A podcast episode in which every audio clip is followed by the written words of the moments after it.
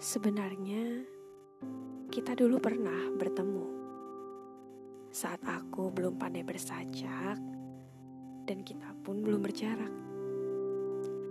Sedekat napas dan mulutmu, kita dulu pernah hampir menjadi satu.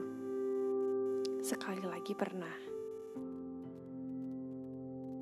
Bukan bermaksud melukaimu, tetapi aku sadar akan sesuatu tentang rasa yang tidak akan pernah bisa dipaksakan, tentang percaya yang tidak sempat terjaga. Kamu boleh mengecamku semaumu, kamu boleh tak mengacuhkanku sebebasmu, kamu boleh. Kamu boleh menganggap bahwa kita tak pernah ada. Walau pada kenyataannya memang demikian. Tapi ada satu hal yang tidak boleh kamu lakukan kamu ingin tahu? Adalah manusia yang pasti memiliki lebih dan kurang.